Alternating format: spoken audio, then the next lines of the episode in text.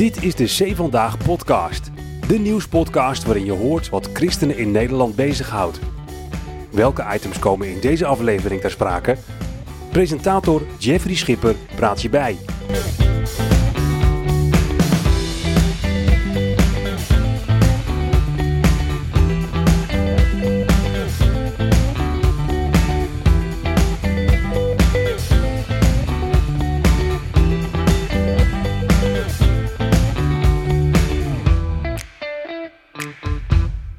Van der Veen uit Sliedrecht is weer terug van weg geweest. Hij was een tijdje in India voor een hele bijzondere reis met SDOK.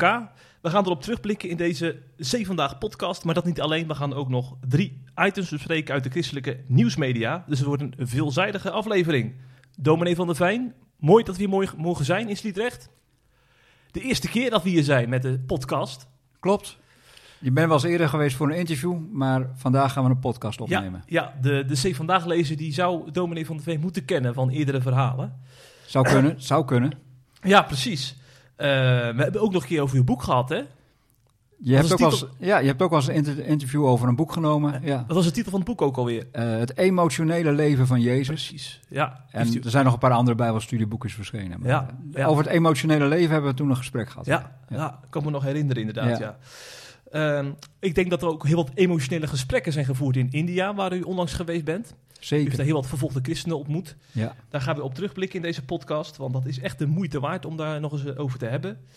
Uh, maar ik wil toch eerst nog eventjes over uzelf hebben, voor de mensen die u niet kennen. U bent inmiddels emeritus predikant en u bent jarenlang heeft u gediend in allerlei plaatsen in Nederland, hè? Dat klopt, ik ben uh, predikant in de protestantse kerk in Nederland. Ik heb een aantal gemeentes mogen dienen. De laatste gemeente waar ik uh, predikant geweest ben is in Sliedrecht. Daar ben ik ook blijven wonen. En uh, na mijn emeritaat, drieënhalf jaar geleden, uh, werd ik gevraagd of ik, of werd ik gewezen eigenlijk op een vacature in de raad van bestuur van de SDOK. En toen zei iemand tegen mij, dat is nou net wat voor jou. Kijk. Kijk, ik dacht, nou dan ga ik eerst maar eens even lezen wat er dan in die omschrijving van die taak staat. En uh, dat vond ik wel uh, heel uh, intrigerend. Ik dacht ook wel dat het op mijn lijf geschreven was.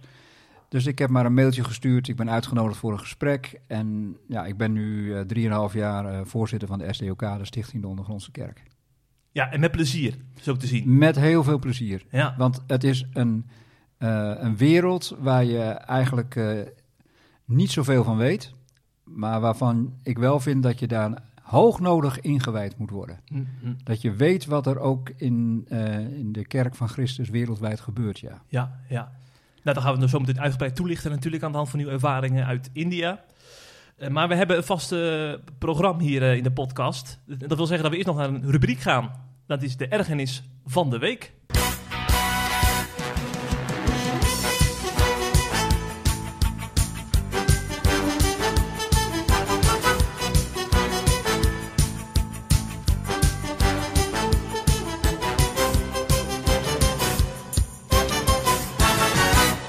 Ja, ik weet niet of je je wel ergeren mag als je dat in de Bijbel opzoekt. Er zijn meer predikanten die dat zeggen in de podcast. Van ja, ja, ja, ja, ja, ja. Wee degene door wie de ergernissen komen. Ja, nee, maar dat, dat begrijp wat je, doe, wat je, wat je bedoelt. Uh, ik heb wel een, een, uh, een foto gezien vorige week in de krant, waar ik me wel een beetje aan geërgerd heb. Dat was namelijk uh, een foto van twee ministers, een Nederlandse minister van Sport en een minister uit Qatar. Mm -hmm.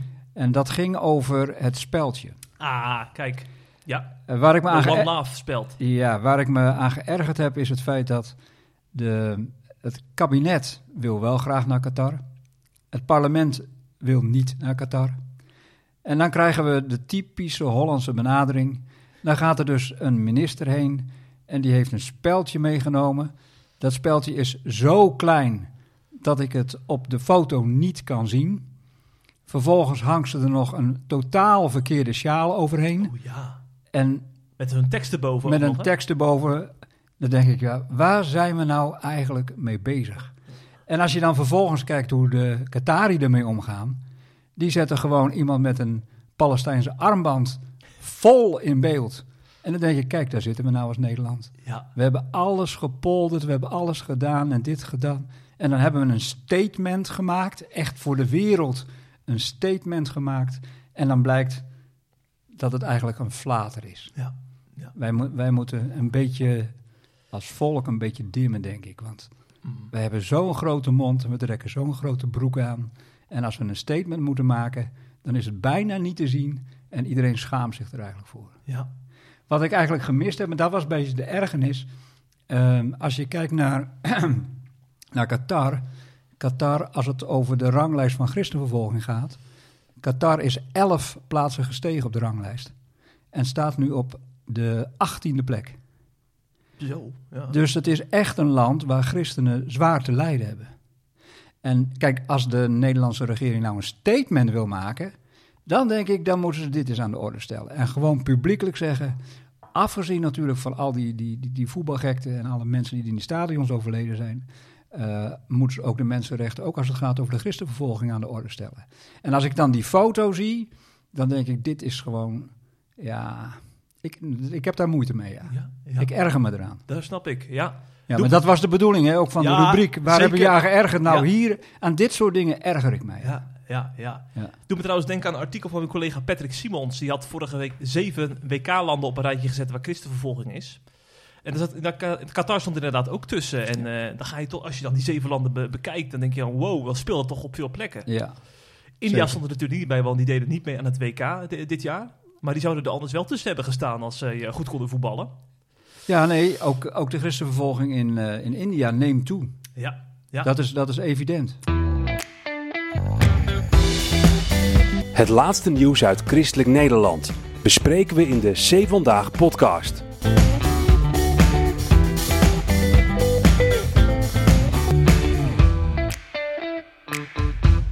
Om, eh, om het daar gelijk over te hebben, dominee. eh, eh, in dit eerste item van, van de, de nieuwspodcast. Want India is niet alleen een ervaringsverhaal, maar dat is ook echt een nieuwsitem. Hè? Regelmatig is India in het nieuws als er christenvervolging plaatsvindt. En dat is de laatste jaren ook aan het toenemen. Ik heb nog even op de ranglijst christenvervolging van Open Doors gekeken. En daar staan ze op de tiende plek. Nou, dat vind ik toch vrij hoog. Ehm en eh, misschien is het ook goed om te zeggen dat niet alleen christenen lijden in het land, maar ook moslims. Hè? Want er is een hindoe-regering, begreep ik, die best wel extremistisch staat. Die eigenlijk wil dat bijna, in de, bij wijze van spreken, iedere Indiër hindoe is. En dat al gaat dan gepaard met allerlei vervolgingstactieken. Ja. Ja, dat, kijk, dat, is- dat is een, in algemene zin kan je zeggen het nationalisme. Als er, als er in een land nationalisme de kop opsteekt, Ja. dan eh, zijn de minderheden in gevaar. Mhm. Kijk, hoe, hoe werkt dat in India? Dat is betrekkelijk eenvoudig. Er is een, een hindoe-partij aan de, aan de macht, Modi is aan de macht. En die heeft eigenlijk een simpele stelregel. Elke goede Indiër is hindoe. Zo, dat is een heel simpele slogan. Dat is een hele simpele... One-liners doen het altijd heel goed eh, bij bepaalde mensen. En eh, dat heeft hij dus ook. Elke goede Indiër is een hindoe.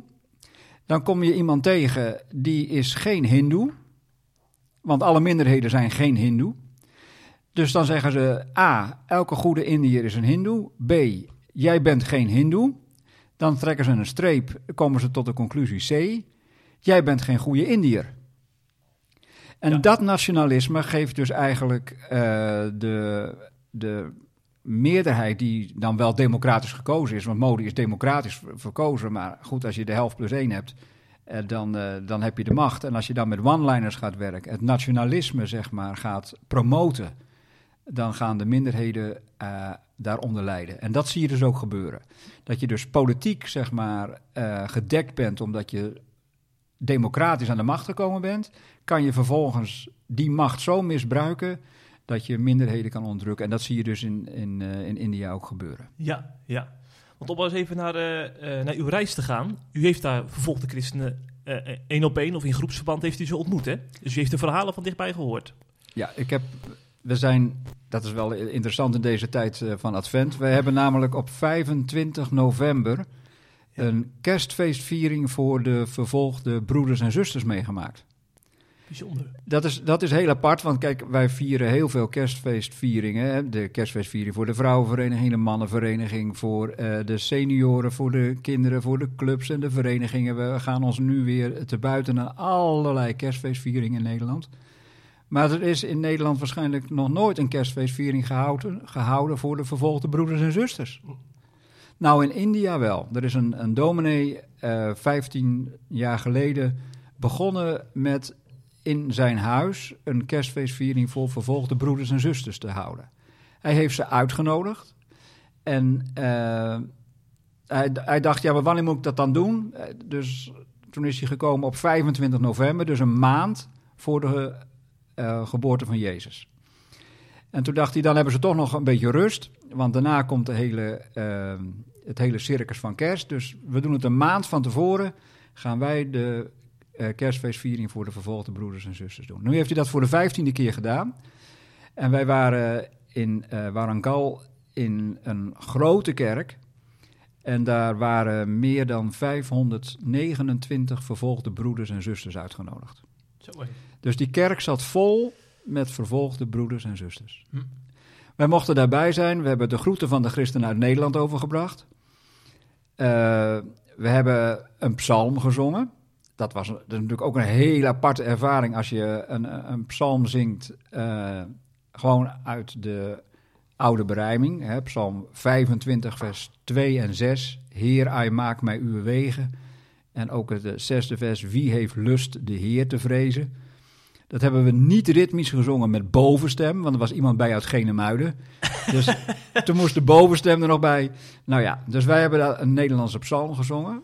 Maar het gaat natuurlijk over de inhoud. Wie heeft lust de Heer te vrezen? Wie heeft er zin in om de Heer Jezus te volgen in zijn leven? En in leven en sterven te volgen? Want dat was natuurlijk de context waartegen we deze psalm zongen. Want het waren vervolgde broeders en zusters. Op, het, op de voorste rij zaten allemaal weduwen.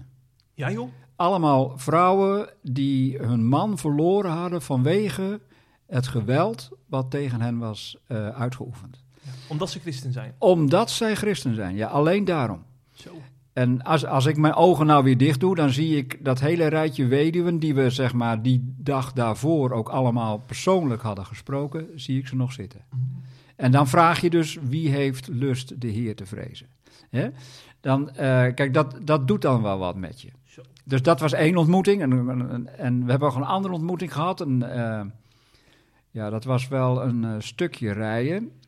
Ehm, zo, nou, in totaal hebben we op die dag, geloof ik, eh, negen uur in de auto gezeten. Want we zaten in een veilig gebied en we gingen naar een onveilig gebied. Maar dat is ook wel spannend voor u, of niet? Nou, ja. Daar is natuurlijk goed over nagedacht van tevoren. Ja, weet je, dat, dat moet je overgeven, dat Ja. moet je loslaten. Ja. Maar het interessante daarvan was, we gingen naar een gebied waar tegenwoordig de vervolging sterk toeneemt. Ja. Ehm, dat is ehm, een gebied waar 15 jaar geleden bijna geen christenen waren. Oh ja. En eh, het christendom groeit ook in India. En als het christendom groeit, dan kan je er bijna, ehm, nou, ik, zou het niet doen, maar je kan er bijna vergif voor innemen. Dan groeit ook de vervolging. Want dan zeggen de extremisten, eh, dit is een vreemde eend in de bijt, dit hebben we hier nooit gehad, dit hoort hier niet thuis. Dat is een, een, een buitenlands gebeuren, dus dat moeten we met wortel en tak uitroeien. Dus als er in een gebied christenen eh, komen en als er meer christenen komen, dan, dan, hebben de omge- dan heeft de omgeving het, eh, het gevoel van we worden nu bedreigd. En dan komt dus de vijandschap. Dus wat je ziet is, de groei van het christendom brengt ook de groei van de vervolging met zich mee. Maar het mooie van die plek was dat toen we er aankwamen, ehm, nou waren we zo overweldigd door het aantal mensen wat daar was.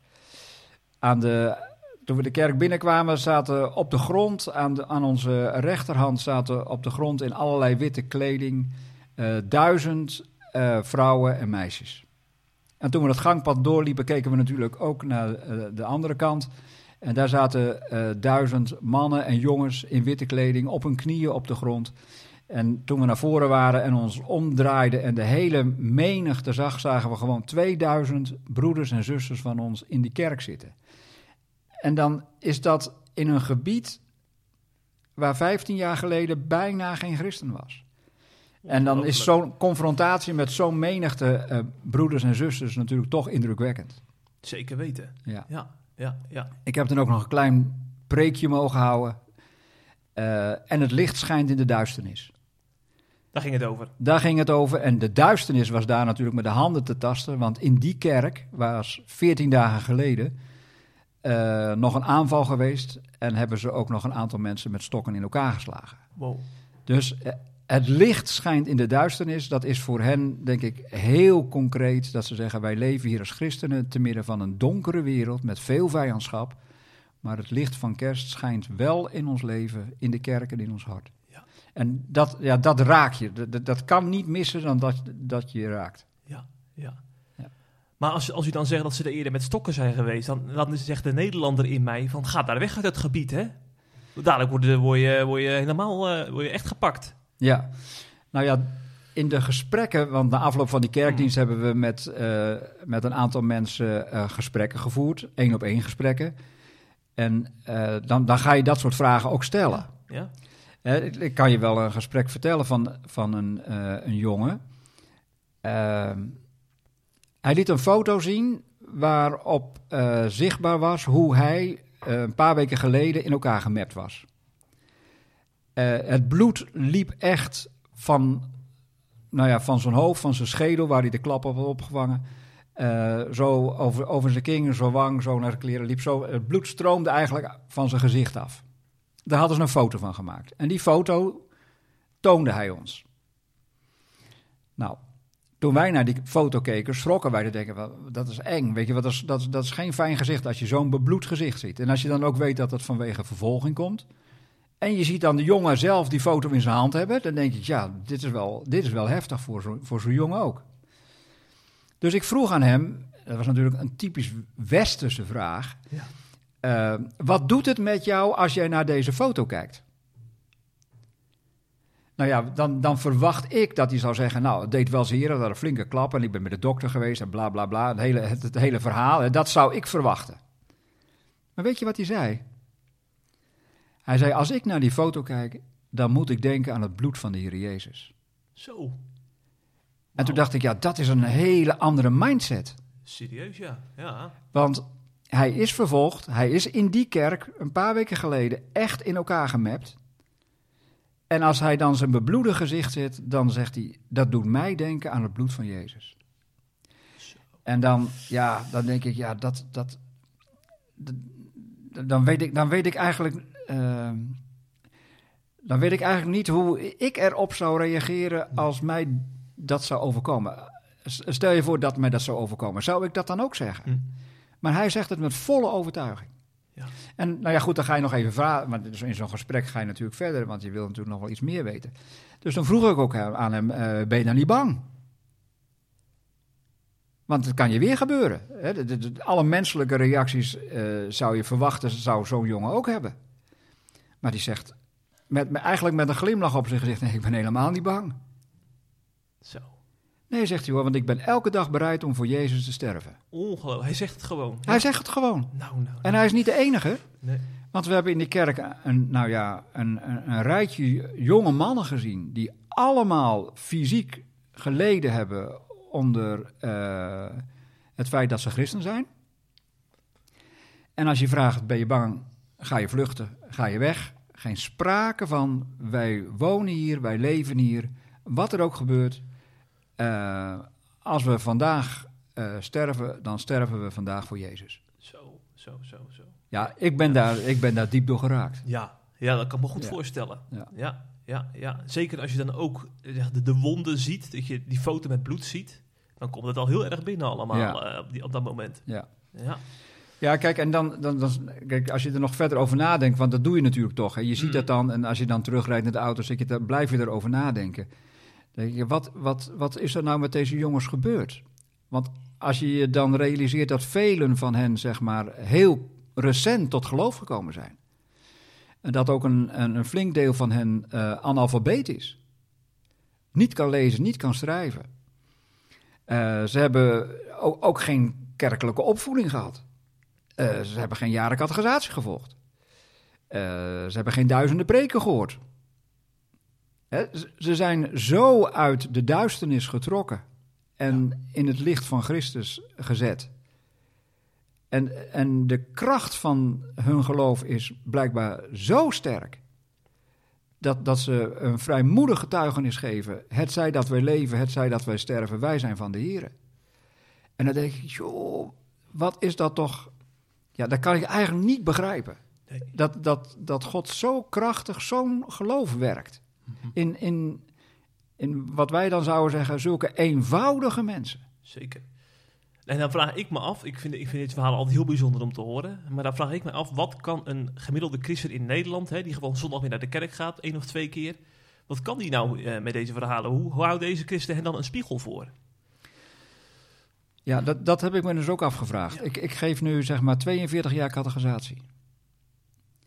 En als ik in mijn, in mijn gedachten al die groepen voorbij zie gaan, dan hebben we het ABC van het christelijke geloof voor, eh, bijgebracht. Eh, ze hebben beleidingscategorisatie gevolgd. We, we hebben ze eh, namen en feiten bijgebracht. We hebben ze eh, eh, leer ons geloven bijgebracht. We hebben zoveel methodes. We, we- hebben jaren en dag geïnvesteerd in de geestelijke vorming, in de godsdienstige opvoeding van, van zoveel jongeren in de gemeente. En als ik nou ze op een rijtje zet en ik vraag aan hen: ben je bereid om voor Jezus te sterven? Dan, ja, dan, dan, hoop ik dat zij net als die jongen in India zullen zeggen: ja, wij zijn bereid om voor Jezus te sterven. Ik heb dat zondag in de kerk ook gevraagd. Eh, bent u bereid om de laatste martelaar te zijn? En het werd in de kerk wel heel stil. Ja, dat kan, ja, dat kan ik me voorstellen. Hè, want eh, ja, ze houden ons een spiegel voor, jazeker. Uh, ik, ik voel me ook beschaamd omdat wij zo bevoorrecht zijn. Want wij hebben wel alles meegekregen. Hè. We zijn jaren en dag opgevoed bij de kerk. En we hebben bijbels in overvloed. En we hebben toerustingsmateriaal en cursussen en preken en categorisatie en vereniging. We hebben alles, zoveel mest om de boom gelegd, zeg maar.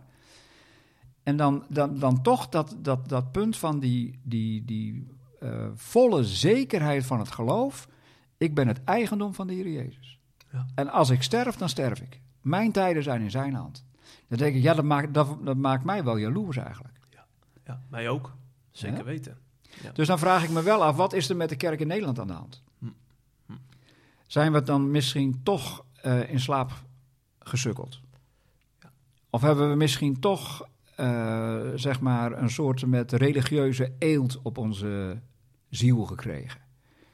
Dat, dat, dat blijkbaar het niet tot ons doordringt. Dus als ik dan weer terug ben uit India en ik ben weer in Nederland, dan weet je wat ik dan hoop? Dan hoop ik dat de kerk ontwaakt. Dat we gewoon wakker worden.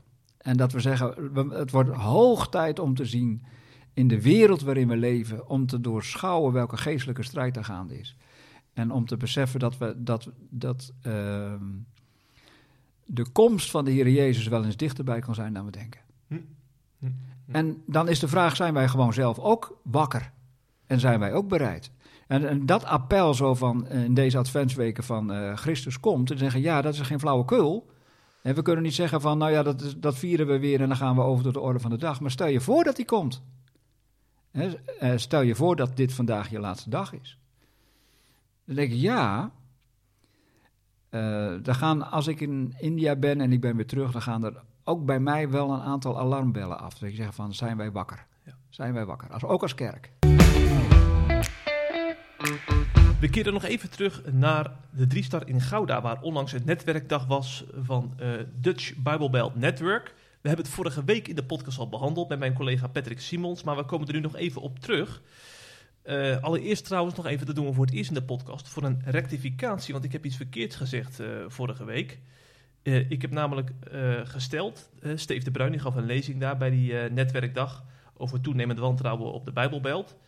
En toen verwees hij eh, ter illustratie naar een school eh, waar een, klein eh, boerenprotestje bezig was. En toen had ik gezegd dat die directeur van die school zei dat minister Van der Wal opgeknoopt moest worden.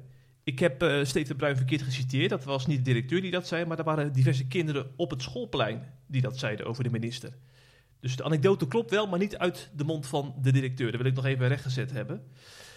Maar neem niet weg dat het natuurlijk ernstig is dat het hardop wordt gezegd op een christelijke school bij kinderen. Eh, het toenemend wantrouwen, dat werd aan de kaak gesteld door Steve de Bruin. En ik vroeg me eigenlijk af, dominee van der Veen, of u dat ook herkent in uw directe omgeving bijvoorbeeld. Ziet u toenemend wantrouwen? Ja, ik denk dat dat eh, evident is. Ehm, je hoeft eigenlijk maar eh, het gesprek over de politiek te openen. of het wantrouwen spat er vanaf. Ja. Ehm, als je... Ja, als, als ik het op me in laat werken, dan, dan, dan zitten we in een hele lastige situatie op dit moment. Want mensen zijn boos. En ehm, die boosheid komt voor een deel voort uit het onrecht wat hen door de overheid is aangedaan. Ja, dat zijn de mensen met de omgekeerde vlaggen in de tuin. Eh, ja, dat, dat, dat weet ik eigenlijk niet, maar ehm, er, er zijn er veel meer boos dan alleen de mensen Ja. met een omgekeerde vlag. Er zit in de, in de Nederlandse samenleving eh, een diep wantrouwen tegenover de overheid vanwege het feit dat de overheid niet een, eh, een schild voor het volk is, maar een vijand van het volk. Zo. En dat, dat voelen, dat voelen eh, bepaalde groepen in onze samenleving Ja. aan den lijve. En dat maakt ze boos. Kijk, ik kan die Groningers wel begrijpen. Ik ben zelf een Groninger. Hè? I- Ik kan heel goed begrijpen dat, dat zij zeggen... na al die jaren dat de miljarden naar Den Haag gegaan zijn... zitten wij nog steeds in bouwvallige woningen. En dat de overheid belooft dat ze dat zou opknappen... en dat het nog steeds niet is gebeurd. Ik, ik kan me voorstellen dat de, de, de, de toeslagenaffaire... dat als je kind uit huis gezet is en de toeslagenaffaire eh, wordt dan eh, afgerond met eh, de belofte dat je, eh, je gecompenseerd zou worden en je krijgt nog steeds niet je geld en je hebt je kind nog niet terug. Dan kan ik me voorstellen dat die mensen gewoon boos worden. Ik kan me de boeren ook voorstellen. Eh, als, als, eh, als er gedreigd wordt met landonteigening, dan, dan, snap ik dat ze boos worden. Maar zo heb je dus inmiddels in onze samenleving, eh, door de loop van de jaren, al een flink aantal groepen die echt getroffen zijn door het beleid van de overheid en die daar dus hevig verontwaardigd over zijn. Ja, Steve de Bruin herkent dit dus wat u zegt, maar hij voegt eraan toe hij, dat hij van Christen een andere houding verwacht, hè? Ja, kijk, en Dat dat, is het- het dat is de spagaat waar we dus nu in zitten en die, die ook de gesprekken over het eh, beleid van de overheid zo ingewikkeld maken. Want als christen moet je zeggen, eh, ja, wacht even, eh, als we de Bijbel lezen, dan, dan, dan staat er natuurlijk toch dat de overheid een dienares van God is. Precies. Dat behoort ze wel te zijn. Ja. Of ze dat ook is, dat is natuurlijk een kritische vraag naar de overheid. En ehm, dus we hinken een beetje op twee gedachten. Ik begrijp dat mensen boos zijn, maar ik begrijp ook dat we de Bijbel meer gehoorzaam moeten zijn dan de mensen. Uiteindelijk heeft, eh, heeft de Bijbel gezag over hoe, hoe onze houding is. En dan heb ik makkelijk praten, want ik ben niet eh, daadwerkelijk getroffen door het wanbeleid van de overheid. Dus ik heb makkelijk praten. Maar we moeten wel heel voorzichtig zijn om de fundamenten van onze samenleving niet overhoop te halen. Ja. Want als we de rechtsstaat afschaffen en als we eigen rechter gaan spelen, dan zijn we overgeleverd aan de chaos. Mhm. Ja. Dus je moet ook blijven zeggen, Paulus heeft de overheid altijd gehoorzaamd. Ook al was dat een absoluut godenvijandige overheid. Daar is Rutte 4 nog, nog steeds niet bij in de schaduw Nee, te zetten. nee, Dat- die overheid van Rome was vele malen goddelozer dan onze huidige overheid. En toch was Paulus die overheid gehoorzaam. Mhm. Dus, eh, en, en de krachten in de samenleving die er bewust op uit zijn. Kijk, er zijn natuurlijk ook politieke partijen op uit om gewoon chaos te stichten. Om, om, eh, om bangmakerij te doen, om ondermijnende activiteiten te om de rechtsstaat onderuit te halen, de wetenschap onderuit te halen, de politiek onderuit te halen. We moeten ook alert zijn dat er krachten in de samenleving aan het werk zijn die de chaos willen veroorzaken. En daar moeten wij als christenen op geen enkele manier onze medewerking aan gaan verlenen. Nou, en volgens mij is dat dus de spagaat waar we zitten. Mhm. Dat aan de ene kant we terecht klagen over het wanbeleid van de overheid. Terwijl we aan de andere kant diezelfde overheid moeten respecteren, omdat zij een middel is om de samenleving voor complete chaos te bewaren. En omdat zij dienares van God behoort te zijn. En in die spanning zitten wij volgens mij. Ja, en mijn beeld is een beetje dat mensen het idee hebben dat ze moeten kiezen. Dus of, of eh, ik, ik zie mensen die, die zeggen we moeten de overheid respecteren, we moeten voor ze bidden.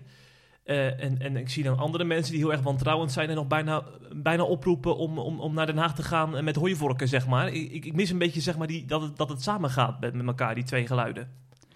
Ja, misschien, eh, misschien wreekt zich hier ook wel ehm, wat we net ook over India hadden. Eh, hoe geestelijk waakzaam zijn wij eigenlijk? Eh, on- onderkennen we ook op dit punt wel welke krachten er echt werken? En eh, ja, misschien is ook, ook de, de, de verwarring waar we nu in zitten. ook als we kijken naar het beleid van onze overheid en de reacties die dat vanuit ons volk oproept. Misschien is het wel de roeping van de kerk juist om op dit punt ook te zeggen. wij hebben zo de leiding van de Heilige Geest nodig om de geesten te beproeven of zij uit God zijn. En hoe wij ons daar weerbaar tegen op moeten stellen. Onderscheidingsvermogen. Onderscheidingsvermogen. Ja, en dus misschien is, is deze situatie als teken van, van, van de eindtijd, zeg maar, ook wel een appel op de kerken om, om nu juist eh, onze geestelijke wapenrusting aan te trekken. En dat is een andere wapenrusting dan de wapenrusting van de oude Adam. Mhm. Ja, want het zijn vooral verdedigingswapens volgens mij, hè? Ja, Wapenrusting. en het zijn geestelijke wapens. En, en, en eh, kijk, de oude mens in onze samenleving is ook in de kerken springlevend. Mhm. Want als jij zegt, geef me een hooivork. Zondag zei iemand in de consistorie tegen mij, ik zou een Kalashnikov kopen. Dan denk ik, ja, maar dat zijn allemaal Ja. oude Adam-uitspraken. Ja. Dat, is, dat is niet een bekeerde christen. En dat is niet de taal van een wedergeboren kind van God. Die zal die taal niet bezigen. En daar spreekt Steve de Bruin zijn achterban op aan. Precies. Die hem allemaal haatmailtjes stuurt van jullie eh, heulen met de overheid, jullie moeten kritischer zijn en zo. Nee, we moeten zelf ontwaken. We moeten Ja. een, een, een dieper eh, geworteld leven in Christus Mhm. hebben. Dat is het punt. Ja, Want dan zouden we nadenken over ons gedrag. ja, ja, ja. Ja, want je kunt dus blijkbaar, dat, dat hoor ik ook aan nu, je kunt blijkbaar heel goed kritisch zijn op wat er in de samenleving gebeurt, zonder eh, wangedrag zelf te gaan vertonen door allerlei lastelijke dingen over ministers te roepen en eh, een oproep, op te roepen tot verzet. Kijk, ik denk als je het beest in jezelf onderkent, Ja. dan zou je toch proberen dat te temmen. Hm. En er zit in elk mens een beest. Dus het is, het is zo begrijpelijk. Ik, ik snap het helemaal. Ja. Hè, maar je, je krijgt in de Bijbel nooit de toestemming om, om het beest in jezelf los te Nee. laten. Nee, nee. Dat moet je temmen. Ja. Dus het gaat eigenlijk weer over de, de woorden die we zo vertrouwd zijn. eh, dat het, het gaat over bekering. Het gaat over sterven. Het gaat sterven aan je eigen ik. Het is een, geest, het is een geestelijk proces. Het is een geestelijke strijd. En, en daar moeten we ons van bewust zijn. Dat dat aan de hand is. Ik heb vaak bijvoorbeeld, ik zit wel eens op Twitter, hè, dominee. Dan heb ik het, wel eens het, eh, eh, de neiging om een heel boos tweetje te sturen over, over Rutte of zo, of over ik weet, de CDA.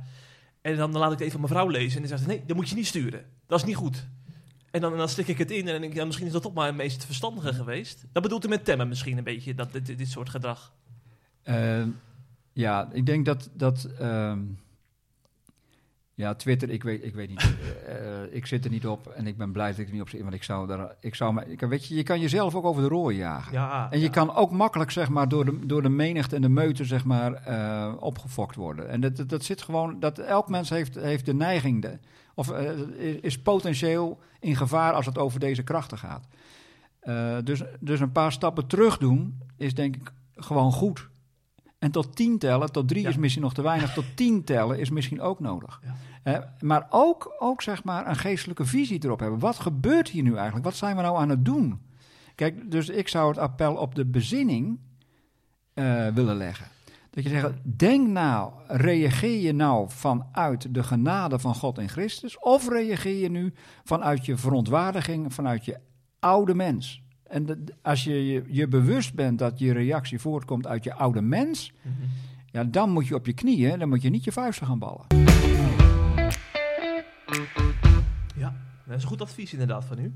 Ja, heeft misschien ook wel wat te maken met eh, hoe wij staan in de eh slavernijdiscussie. Eh, want deze maand is het zover. Hè? Dan wordt er excuus uitgesproken namens het Nederlandse kabinet over het slavernijverleden. 150 jaar geleden. Eh, dat gaat gebeuren eh, in, in Den Haag uiteraard.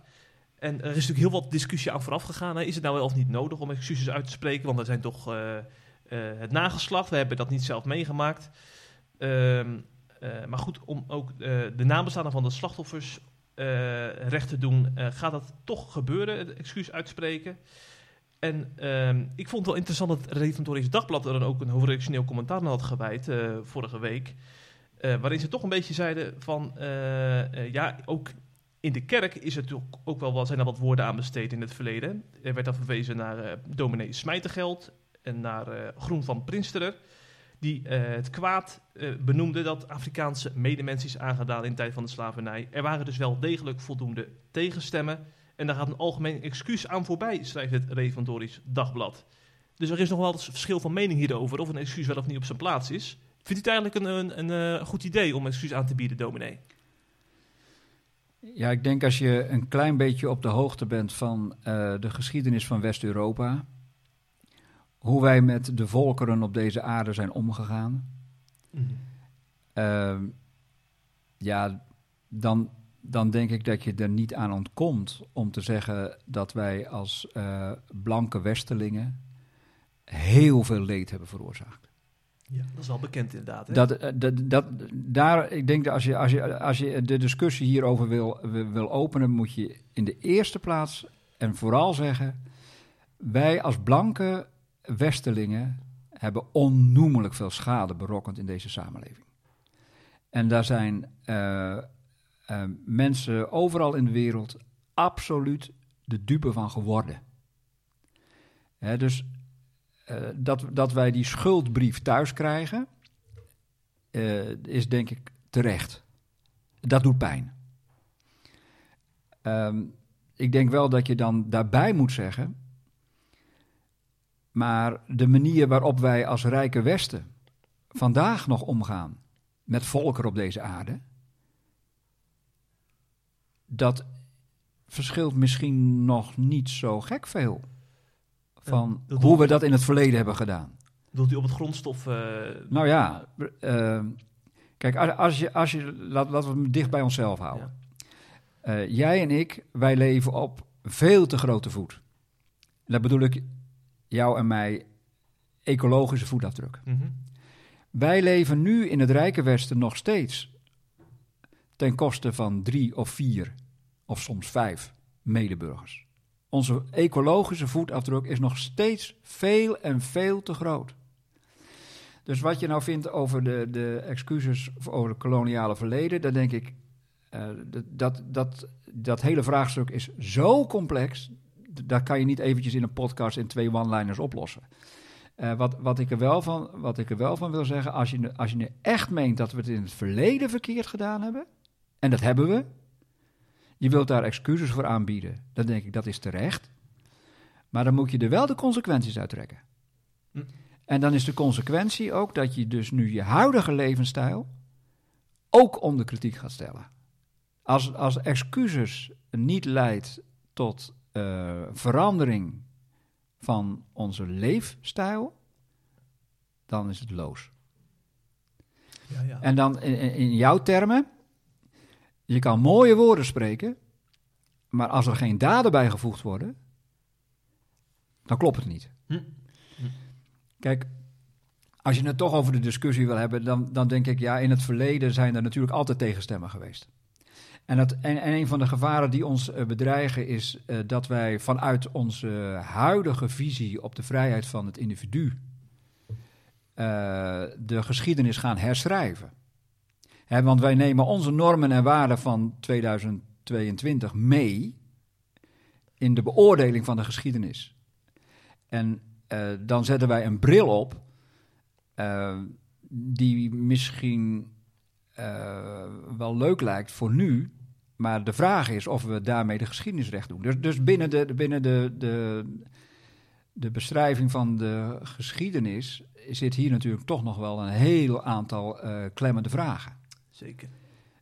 Als ik het nog een beetje, door, nog een beetje doorvertaal naar de Bijbel, dan denk ik van, als ik nou de Bijbel lees, uh, en ik lees bijvoorbeeld de brief van Onesiphorus, dan Philemon, hè, de brief van Philemon over de slaaf dan zegt Paulus, dan zegt Paulus niet uh, tegen, tegen uh, Philemon, uh, je, je, mag je slaaf niet hebben. Hij zegt wel, je moet er goed voor zorgen. Um, dus ook, ook nog de, de vraag hoe onze houding moet zijn ten opzichte van de omgang met slaven, heeft, heeft de Bijbel natuurlijk ook nog iets te zeggen. Dus er zit, de discussie is zo complex dat je het met een, met een zomaar uh, eventjes op een, uh, op een verhoging gaan staan en zeggen van sorry, we hebben het verkeerd gedaan. dat is veel en veel te makkelijk. Nee, dat is wel heel duidelijk, ja. Ja. ja. met zo'n vraagstuk is het ook ingewikkeld. Maar ik vraag me dan toch af, eh, stel, stel je bent predikant ergens eh, in een kerk, in Sliedrecht hier bijvoorbeeld, en je ziet dan op 19 december eh, zeven kabinetsleden excuses maken, dan kun, je, dan kun je toch denken als predikant, nou hier moet ik ook wat mee op, op de kansel. Ik wil ook excuses maken namens mijn voorgeslacht. Is dat, is dat een logische gedachte of niet? Nou ja, kijk, wij maken deel uit van een gemeenschap. De samen, we, we- we zijn, we zijn eh, burger van een samenleving, maar we zijn ook lid van een kerk. En de koopman en de dominee hebben in het verleden natuurlijk toch een handjeklap gedaan. Zeker. Eh, dus dat je als kerk betrokken bent bij dit maatschappelijke debat, dat lijkt me evident. Kijk, ehm, ook, ook dan denk ik, eh, je, als je dit niet oprecht meent en als je daar geen consequenties aan verbindt, eh, wat ben je dan aan het doen? Mhm. Kijk, we hebben dat, datzelfde natuurlijk een aantal jaren geleden gehad met eh, eh, ten aanzien van het volk Israël. Dan hebben in sommige kerken sommigen het wel gedaan en andere kerken anderen het niet gedaan. voor de houding in de Tweede Wereldoorlog. Ja. ja. Ja, dus kijk, ik, ehm, ik, ik heb wel eens het gevoel dat we, dat we nu in een excuuscultuur terechtkomen. Ja, ja, ja. ja. ja. Dus een beetje Wat- symboolpolitiek wordt het dan bij. Nou ja, en dan, dan denk ik van, ja, dat, dat, dat vind ik te oppervlakkig. Eh, Misschien is het ook te makkelijk. Eh, Want eh, je, kijk, schuld moet je wel beleven. En als je schuld beleidt, dan moet je ook tegen je zonde strijden. Dat, zeggen we elke keer, maar dat geldt natuurlijk ook in het maatschappelijke verkeer. Als je schuld hebt, dan moet je er wel ook aan leiden dat je dat gedaan hebt. Dat je je medebroeder hebt uitgebuit. Maar ik, ik, mi- ik mis nog die, die geestelijke dimensie erin. Ja. En, en, en dat- dat, bedoel ik niet om te- dan te bagatelliseren of zo, of om te zeggen van we doen het maar niet. Want het eerste wat ik gezegd heb, wat we aangedaan hebben, is verschrikkelijk. Maar het gaat mij nu om de geestelijke houding die achter die woorden zit. En om de geestelijke consequentie die we daaruit trekken. Kijk, ik, ik denk dat, dat als, als we nog even doorgaan in, eh, in onze samenleving, dat in het volgende kabinet er een ministerie moet komen voor excuus. We moeten een minister, een minister aanstellen voor excuus. En een heel departement daarvoor optuigen en die moeten al die zaken maar eens gaan onderzoeken. En dan gaan we excuus aanbieden. Nou, en dan komt het hele rijtje. Dan gaan we excuus aanbieden aan onze kolonies. Dan gaan we excuus aanbieden aan de Groningers. Dan gaan we excuus aanbieden aan de. Ja. En, en dan krijgen we een, een ministerie van excuus. En daar hebben we een dagtaak aan. Mhm. Maar als je dan de geestelijke dimensie mist, eh, is het dan niet een idee... We hebben natuurlijk een dankdag en een biddag jaarlijks hè, in de kerk... om dan ook een boetedag te organiseren. Daar hebben we al stemmen voor opgegaan in de, in de Griffemiddag gemeente bijvoorbeeld. Eh, hè, vanwege, omdat we als volk ook van Ja. God zijn afge, afge- afgedwaald de afgelopen decennia. Om dan zo'n dag helemaal daarvoor te reserveren. Een boetedag. Dan heb je wel een geestelijke dimensie hè, te pakken. Ja, maar dan heb je het weer georganiseerd. Oké. En Ja. ehm, je kan het wel op de kalender zetten. Mm. Kijk, ook, ook, hier, ook hier merk ik eh, dat geestelijk ontwaken zo nodig is. Want het, kijk, op, een, een datum op een kalender zegt, nou ja, het zegt wel wat. Het is, eh, ja, kijk, ik, dus, dus ik, mijn, mijn punt zou zijn, eh, als, als je dat niet echt eh, diep in Ja. je hart ervaart als een schuld die je voor God en voor je medemens moet beleiden. Dan, dan kan het geformaliseerd worden. En, en dan kan het ook iets hebben van, nou ja, we hebben toch excuus aangeboden, nou zijn we er klaar mee en nou kappen maar verder. Nou, koppen dicht, want nou moeten we weer verder. Weet je wel, dan, dan wordt het een smartlap. Mhm. En dat- of een schaamlap. Dat, moet je gewoon niet, dat moet je niet willen, want daarvoor is het te ernstig.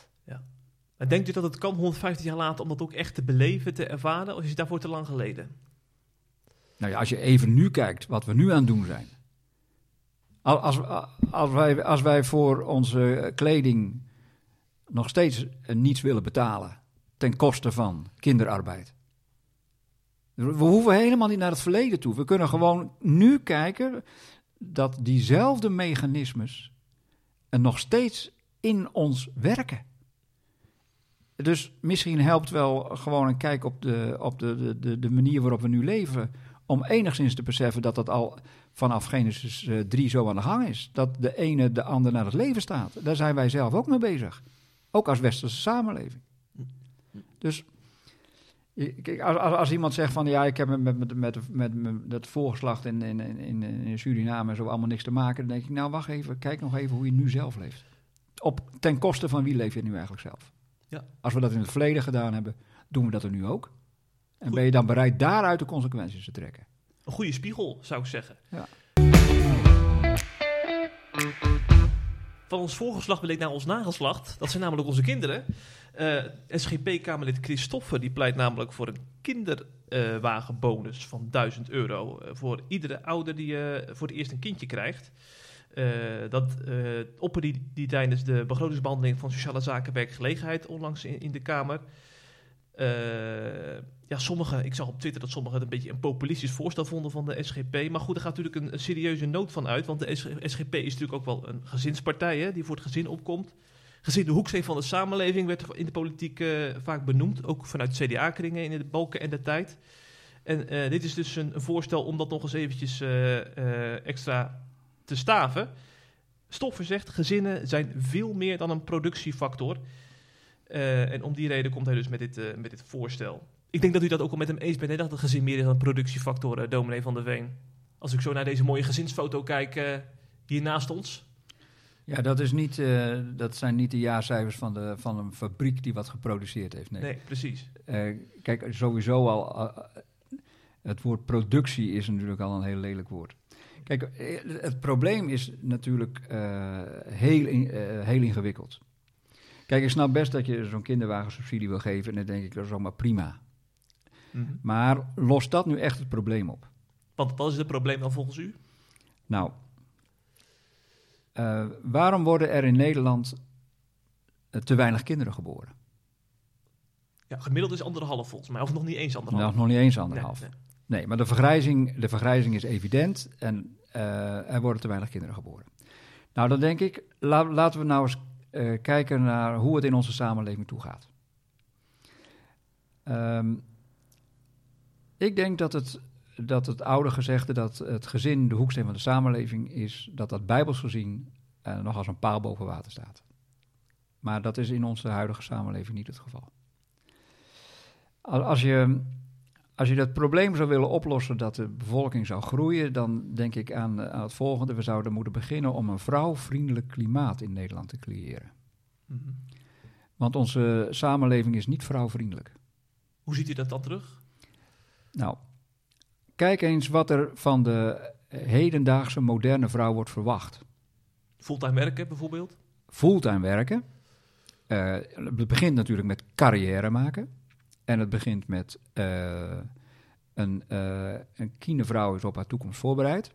Dus ze moet studie doen, ze moet carrière maken, ze moet fulltime werken. En als ze dan al die ballen hoog in de lucht gehouden heeft en dat doel eindelijk bereikt heeft, dan klagen we haar nog aan dat ze geen kinderen heeft voortgebracht.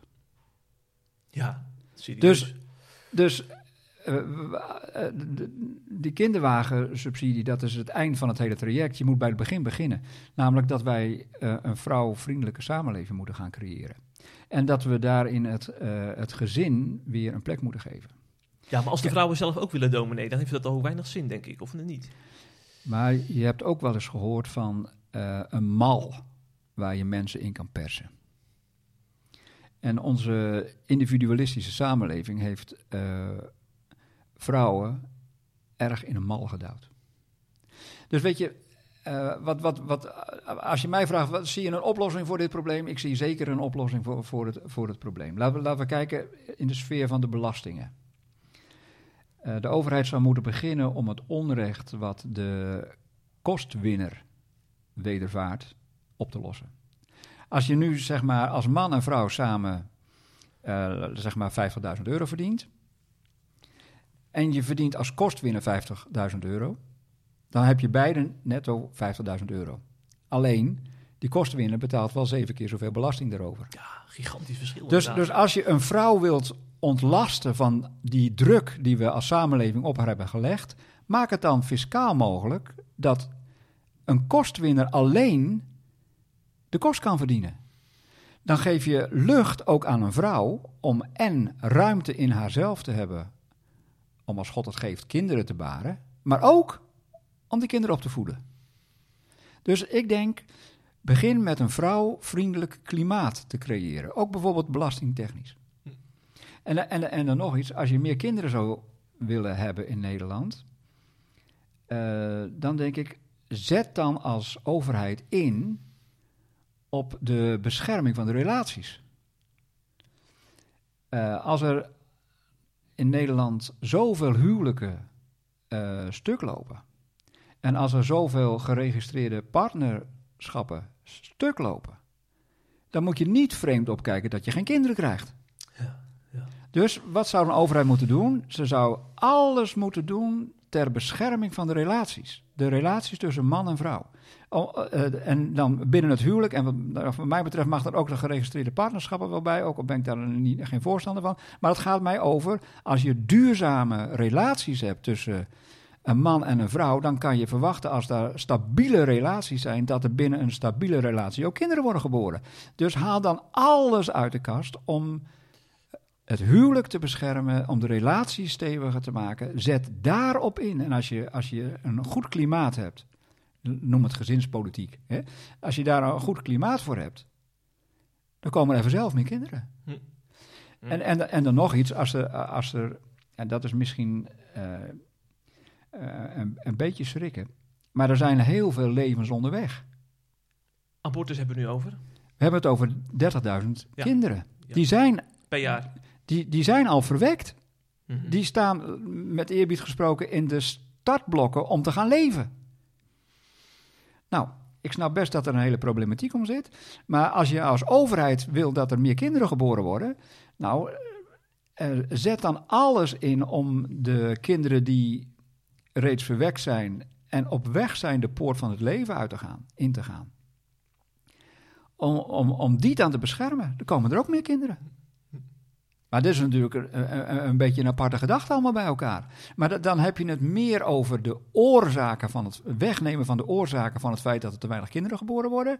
Dan dat je, als er dan een kind is, dat je zegt: ik krijg 1000 euro voor de pampers. Ja.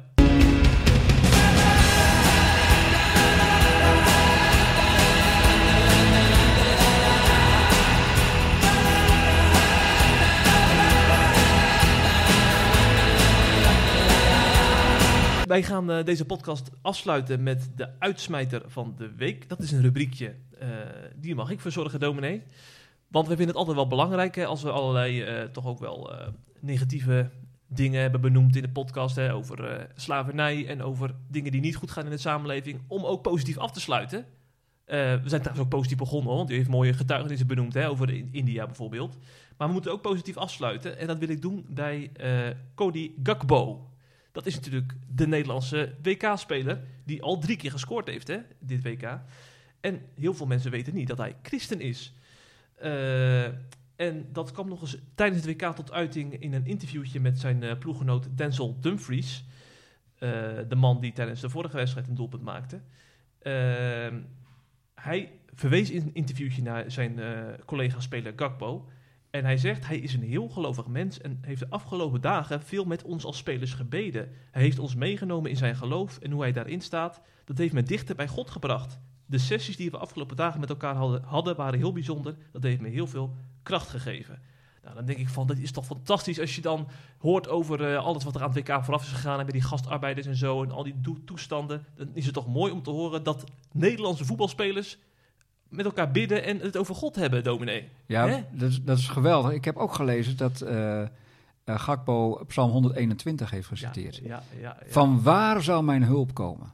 Mijn hulp is van de Heer die de hemel en de aarde gemaakt heeft. Het is eigenlijk, eh, het- als je 121 leest en je zit elke zondag in de kerk, dan beginnen we elke zondag zo. Van waar komt mijn hulp? Mijn hulp is van de Heer die de hemel en de aarde gemaakt heeft. Ja, toen ik het las van Gakpo, dacht ik van zo. Zo, Ja. heeft wel lef. Nou, dat dacht Hij ik ook. wel, heeft wel lef. Ja, ja. Ja. Je kunt in de kleedkamer ook gewoon eh, je mond houden bijvoorbeeld. Je hoeft het helemaal Ja. niet te hebben. Ja. Nee, dus, dus, Ja. dus als, als christenen, het is natuurlijk ook een stimulans, er is natuurlijk heel veel over te zeggen, maar laten we het punt eruit nemen. Het is ook voor ons als christenen zo belangrijk dat we vrijmoedig en blijmoedig onze plek in de samenleving innemen en ons voor het evangelie van Jezus Christus niet schamen. Ja, dat is een hele goede les die we hier meekrijgen. Van een Nederlands elftalspeler. Dat is mooi. Domin, ik wil u bedanken voor uw bijdrage aan deze podcast. Graag gedaan. Ik zou zeggen, als u in de toekomst nog eens een keer weer naar een eh, bijzonder land gaat namens SDOK, trek dan aan de bel. Dan kom wel gerust weer langs met die microfoon hoor. Ik weet dat je altijd bereid bent om naar Sliedrecht te komen. ja, en misschien blijf ik je nog even plakken, want ik zie dat de zon schijnt. En hier, eh, ik, de verleiding is al groot om toch even daar een, ergens misschien... Een, is er een mooi terrasje in de buurt waar ik nog eventjes eh, kan nagenieten van deze ontmoeting? Ja, je mag natuurlijk geen reclame Ja. maken, hè? dat is een beetje lastig. nou, een terrasje in de zon. Ja, de heren van Sliedrecht. Hè? ja, Ja. is- Nou, we gaan eens even op onderzoek uit wat hier te vinden is allemaal. Bedankt voor uw Prima. bijdrage en eh, heel veel, heel veel eh, zegen ook bij uw werk, hè? want u gaat natuurlijk zondag weer preken als, als ja, zeker. Ja, Dus zeker. eh, Ja. daar wens ik heel veel, heel veel sterkte bij in de voorbereiding. En tegen de luisteraars zeg ik tot de volgende week bij een nieuwe podcast.